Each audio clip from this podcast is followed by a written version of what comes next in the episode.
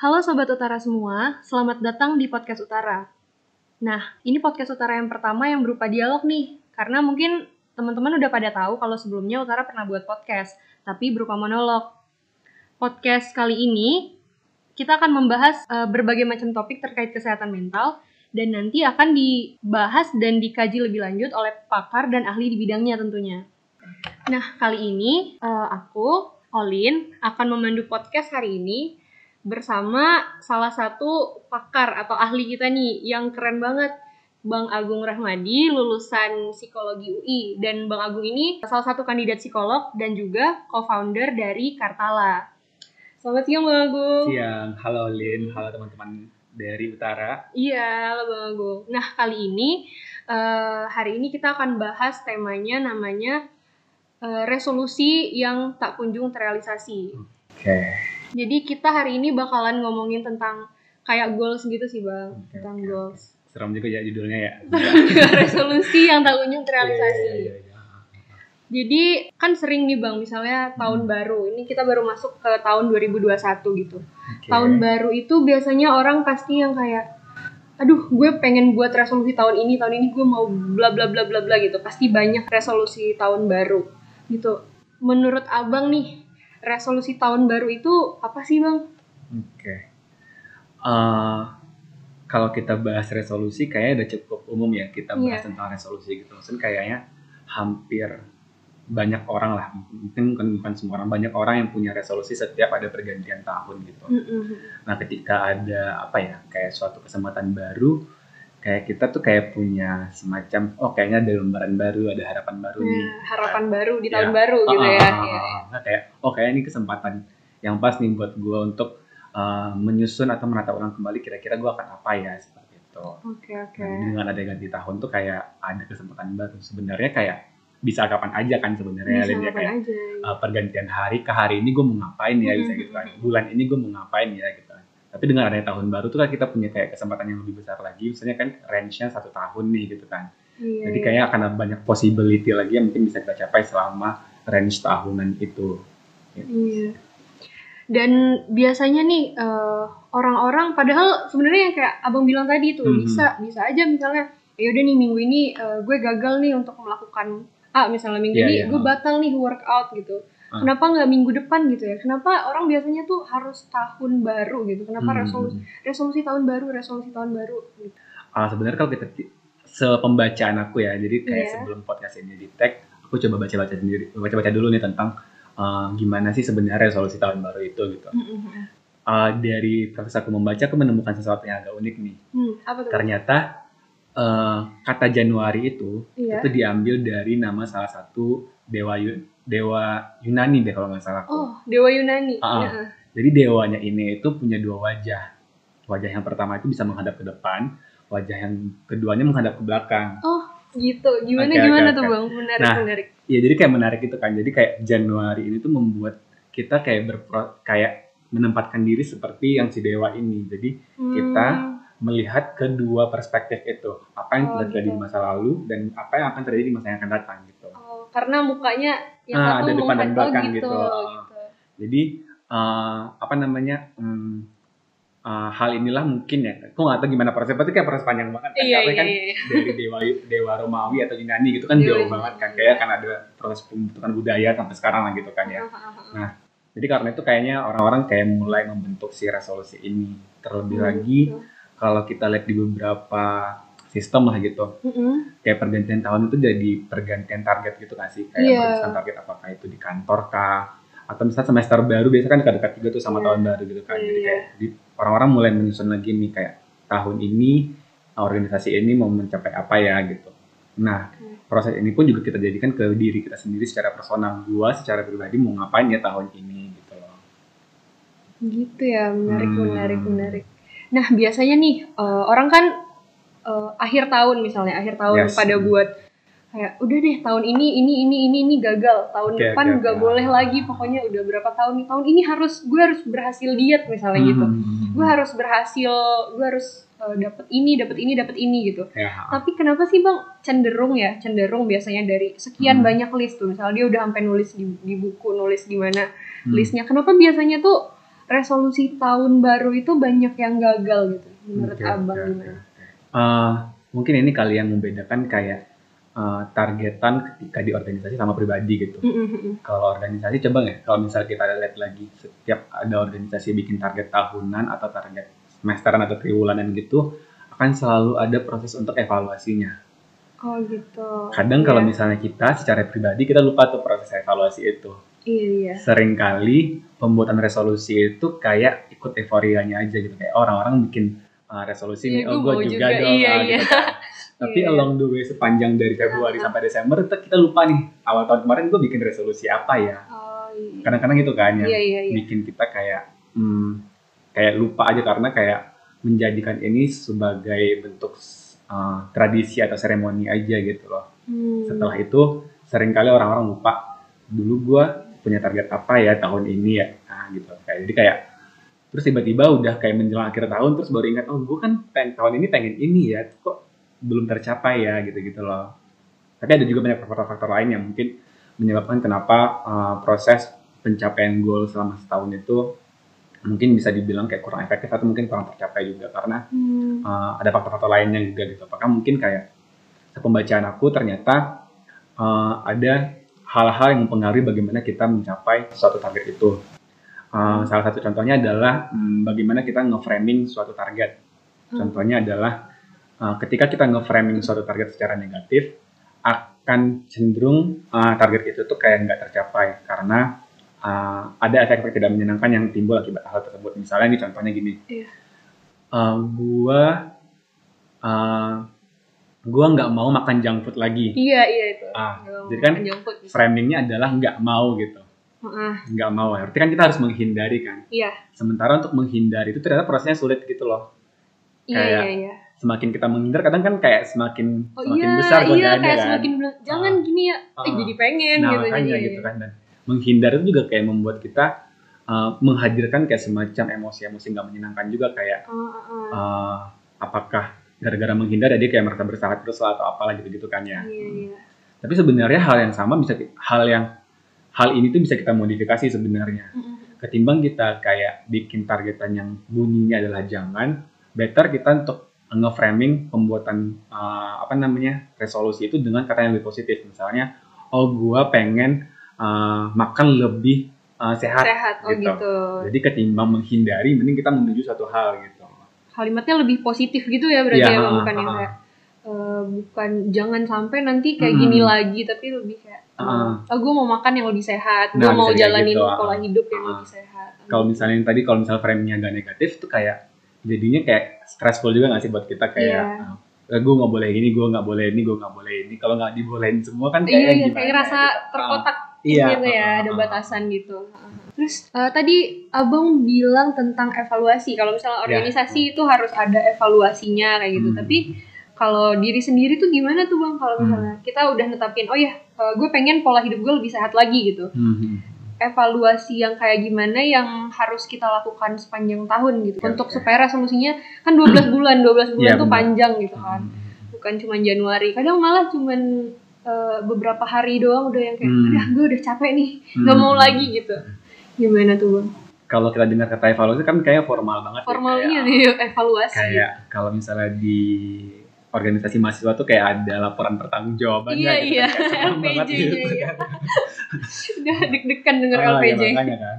Nah, uh, mungkin di sini kalau yang bisa aku coba propose adalah ketika kita bikin suatu resolusi atau target itu kita perlu mindful. Mindful Oh, di sini artinya kita perlu sadar secara penuh kalau misalnya nih gue pengen bikin suatu target.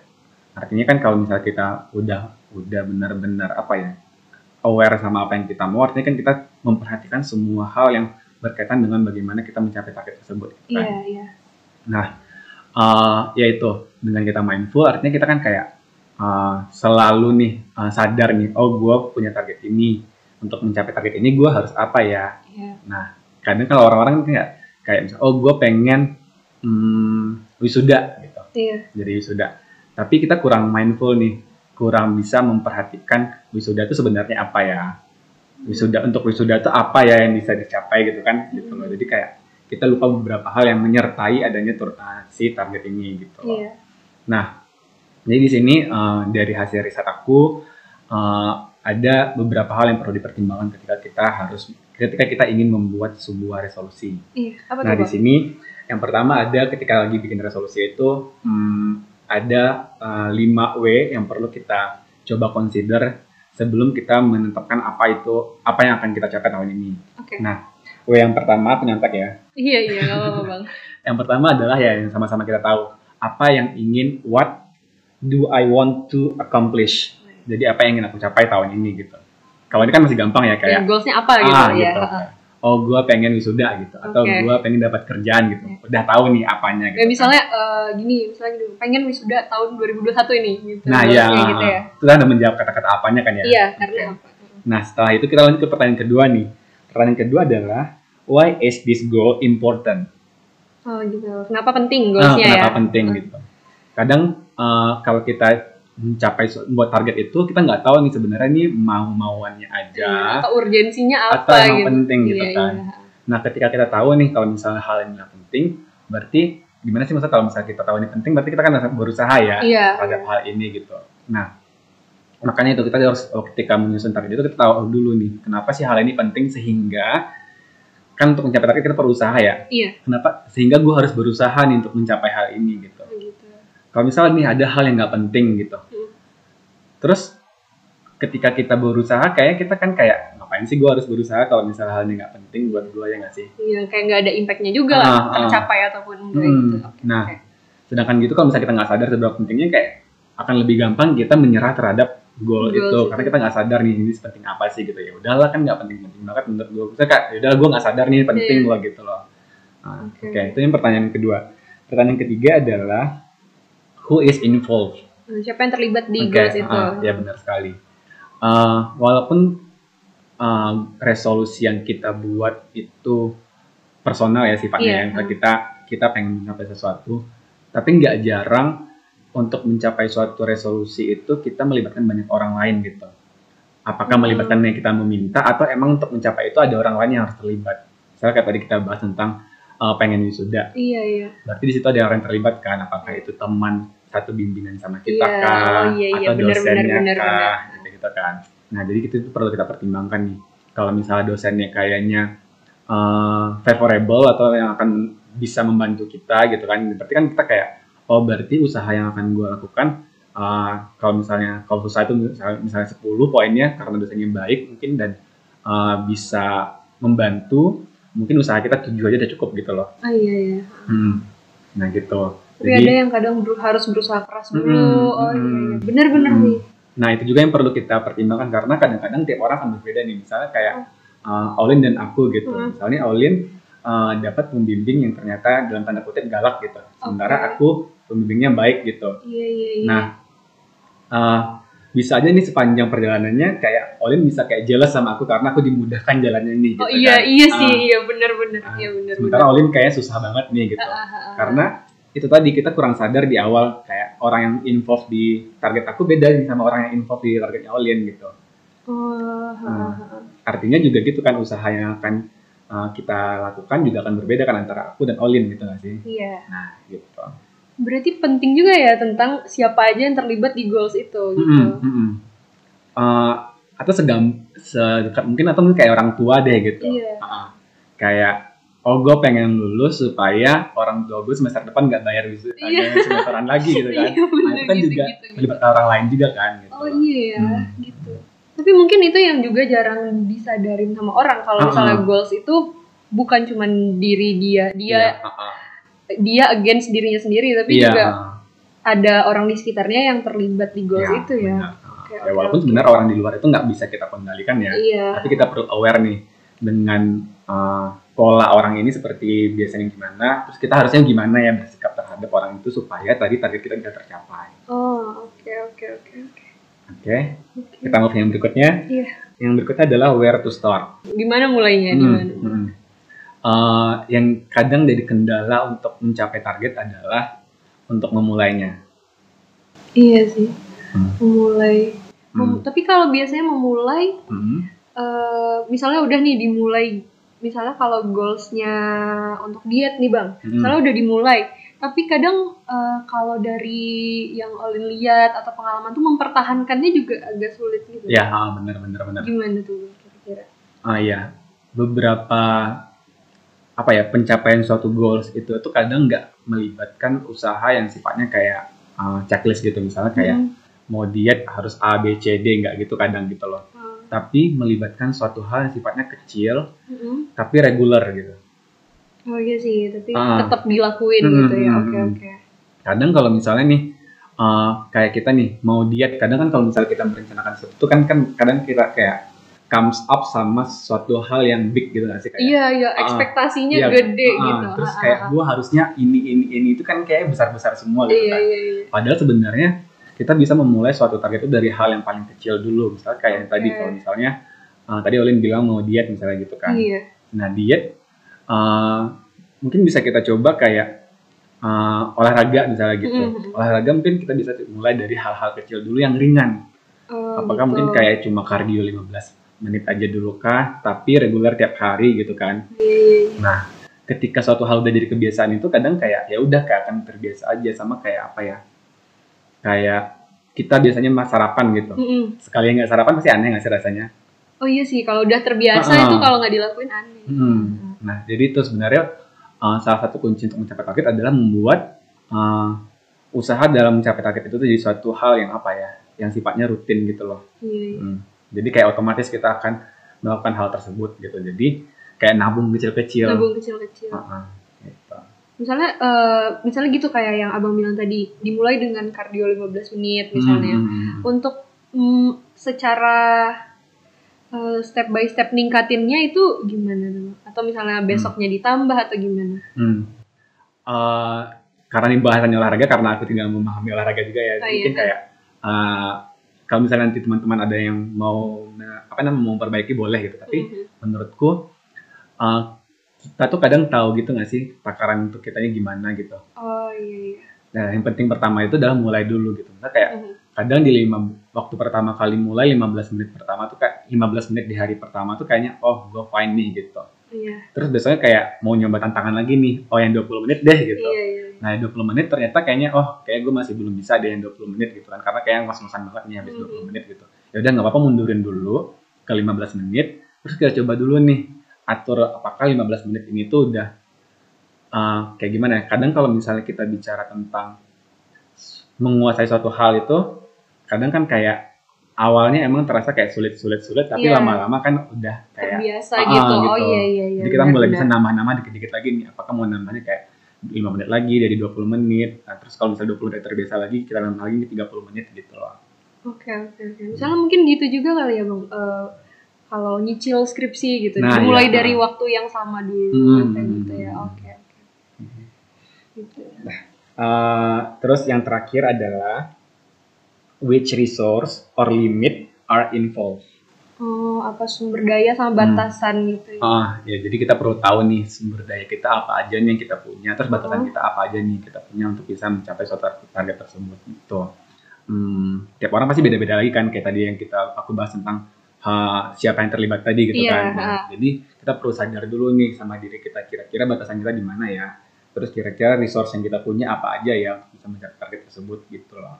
Oh, jadi disesuaikan juga misalnya kalau hmm uh, kitanya juga lagi on budget tapi pengen diet kita harus pinter-pinter juga nyari nah, uh, cara gitu yeah, untuk iya, tetap yeah, bisa uh. gitu ya itu hal yang perlu kita consider ketika mm-hmm. akan membuat suatu target okay. atau resolusi nah ada lagi nih ternyata berikutnya gimana sih cara memaintain si uh, yeah, usaha kita usaha. supaya bisa mencapai target tersebut yeah.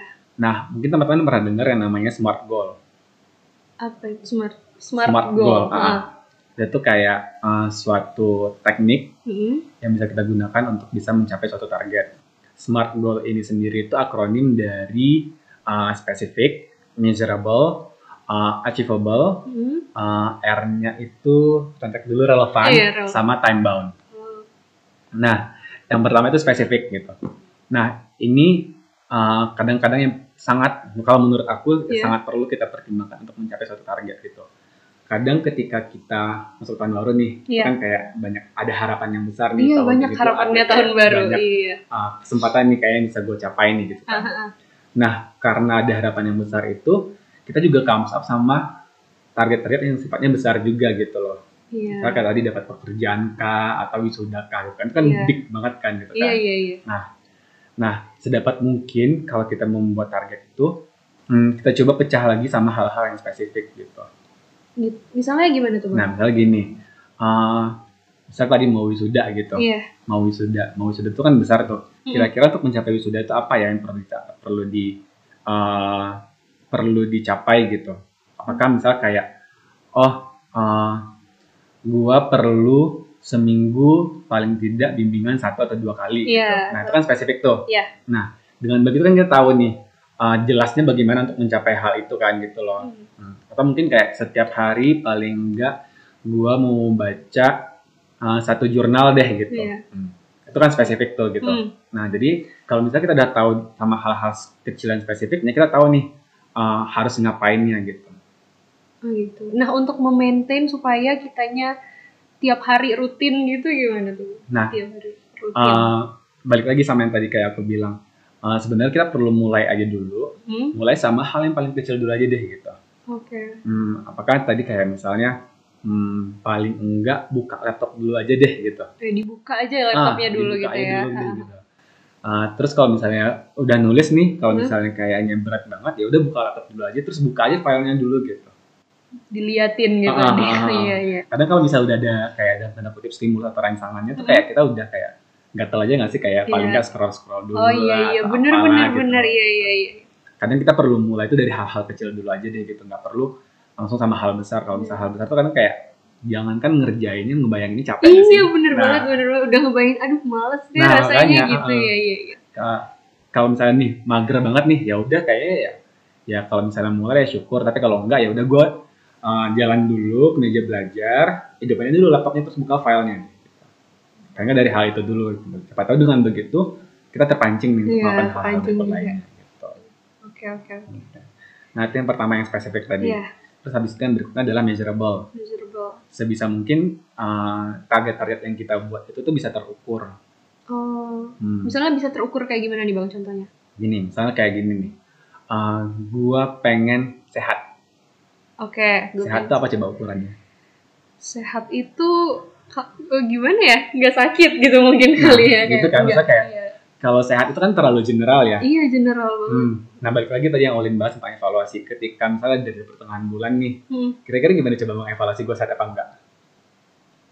Hmm, agak rancu kali ya bang Nah ya? makanya kan, nah, Hmm. makanya kita perlu kayak suatu hal yang lebih terukur kayak tadi yang kita bahas tadi spesifik tadi. Tadi Olin udah, Aha. udah udah kayak bridging juga ke sana tuh misalnya kayak tadi tuh seha, seminggu eh, paling enggak ketemu sama pembimbing satu atau dua kali gitu. Oke, Terus ada ukurannya kan. gitu. Iya. Jadi eh, seperti yang tadi Olin bilang, Olin bilang tadi di, di awal gimana cara evaluasi dari situ kita bisa evaluasi nih. Oh, kira-kira nih oh minggu ini gue nggak bisa nih ketemu sama dosen kenapa ya jadi Nah. kita lihat alasannya kenapa kita nggak bisa ngelakuin Ah, itu ah. kayak gitu. Oke. sehingga dengan oke. begitu eh, untuk minggu depannya kita bisa apa nih bisa evaluasi nih eh kalau misalnya minggu ini nggak bisa karena ini ya berarti minggu depan gue coba cara lain nih untuk bisa menemui dosen gue gitu Oh gitu. Hmm. oke terus itu yang measurable terus habis Measurable. itu uh, achievable Achievable. Hmm. Bisa dicapai nggak Iya, gitu? bisa dicapai, dicapai. ah. ya nggak jarang kalau misalnya kita da- kita datang dengan apa ya suatu resolusi yang sifatnya besar banget gitu kan Mm-mm. tapi kita lupa nih kira-kira achievable apa enggak gitu Iya. Nah dari awal kita perlu tahu nih ini achievable atau enggak. Misalnya kayak sekarang nih, uh, aku pengen liburan ke luar negeri gitu tahun Iya, ini. iya, iya. Nah, Terus situasinya nah, gimana jadi, itu kan. gitu? jadi kan kayak kurang achievable gitu Iya, kan. Nah jadi ketika nanti kita mau mencapainya nih di pertengahan jalan ya bukan saat kita merumuskan ya kayak Hmm. tuh cenderung cari-cari alasan nggak sih kayak dia kan emang ya sekarang corona gimana gue bisa mencapainya gitu kan Iya. karena dari awal kita nggak consider dulu ini apakah achievable atau enggak gitu Ya, main buat-buat aja. Nah, yang iya, penting kayak, gitu oh kan. ini listnya banyak. Ah, ah, ah, ah. Nah dari awal kalau bisa kita tahu dulu nih achievable apa enggak. Maka tadi uh, waktu yang di pertanyaan 5W tadi Hmm. ada kan kayak uh, limitasi atau resource apa sih yang dipunya gitu loh. Dengan Hmm. itu kan kita bisa mengenakarnya apakah target ini achievable atau enggak gitu loh. Oke, oke. Nah, mungkin eh, motong dulu. Berarti kita Oke. sampai achievable tadi ya, Bang ya. Hmm, Kalau misalnya nih, kan tadi eh, yang salah satu contoh dari Abang bilang, hmm, uh, pokoknya tahun ini gue pengen keluar negeri tapi situasinya gimana gitu. Hmm. Kalau sebuah goals itu gagal itu tuh ada nggak sih bang dampaknya? Misalnya goal ini ternyata yang dia set itu nggak achievable gitu, nggak Hmm. nggak achievable, nggak bisa susah untuk dicapai.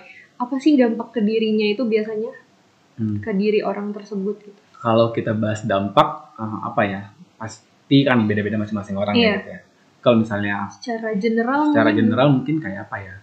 Kalau misalnya nih hmm, gagal, beberapa orang mungkin akan ada yang tend atau cenderung, Cenderung. untuk hmm, menyalahkan dirinya mungkin gitu kayak. Hmm, iya iya. Bisa jadi kayak gitu kan beberapa Iya, orang kan beberapa seperti itu orang, kan kayak gitu kan. Kok gue kayak gini? Nah makanya Gitu, kan. iya, nah iya. justru kalau misalnya udah datang perasaan seperti itu, jadi kayak apa ya kayak hmm, berikutnya kayak ragu lagi kan kayak apakah gue bisa atau enggak ya bikin target gitu Iya, itu nggak sih? jadi cenderung meragukan diri sendiri nah gitu ya. bisa jadi kayak gitu kan. Gitu.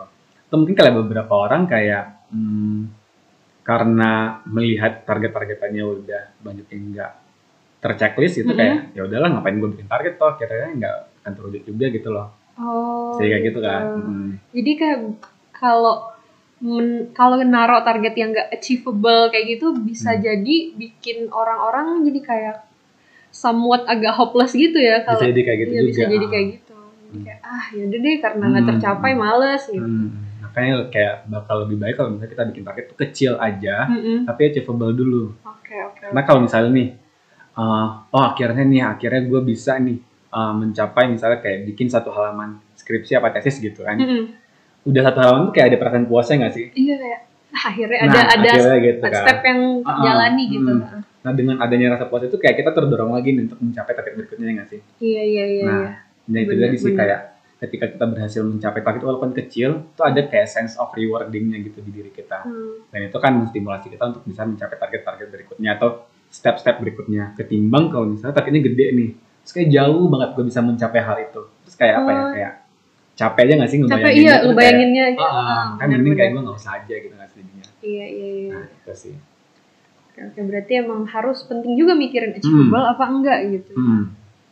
Oke. terus kita lihat yang berikutnya adalah R-nya relevan Relevan. Hmm, relevan ini bisa kayak relevan sama uh, cita-citaku apa sih gitu loh Oh gitu. Uh, atau mungkin kayak relevan sama maunya aku apa sih sebenarnya dalam hidup ini gitu kan Hmm, kayak orang-orang ada yang pengen dalam hidup dia pengen jadi orang yang bisa berbagi sama orang lain kah Iya.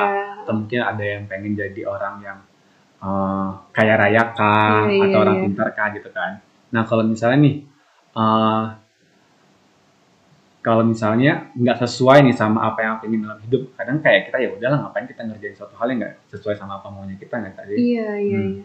Emang harus Hmm. disesuaikan juga Iya, ya sama uh, purpose lah ibaratnya Iya, pengennya purpose, ya, apa gitu. sekali. Ah, Nah, jadi relevan nggak sama purpose yang kita punya gitu. Oke oke. Semakin relevan, maka kita akan semakin motivated kan untuk bisa Iya. mencapai suatu hal. Makin itu. semangat juga Ah, kan. Oh ini sesuai dengan Ah. tujuan gue nih gitu. Iya, makanya. Iya.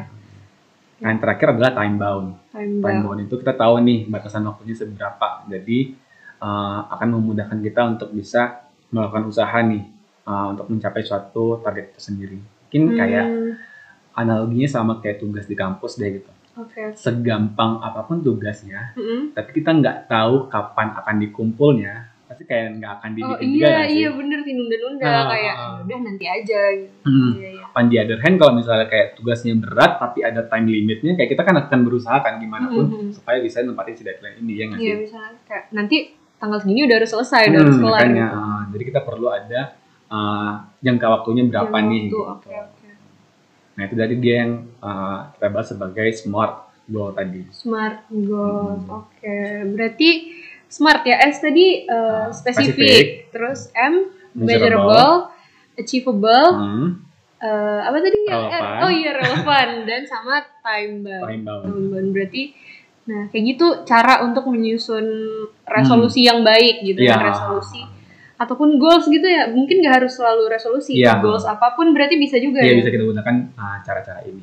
Bisa digunakan cara-cara ini uh, yang smart tadi gitu. ya. Iya benar. Nah, kalau misalnya uh, selain resolusi tahun baru, uh, kalau mau buat goals goals itu ada waktu-waktu tertentu nggak sih bang? Atau kayak ya udah di saat uh, kapan aja tuh goals itu bisa dimulai gitu? Hmm. Kalau menurut uh, abang gimana?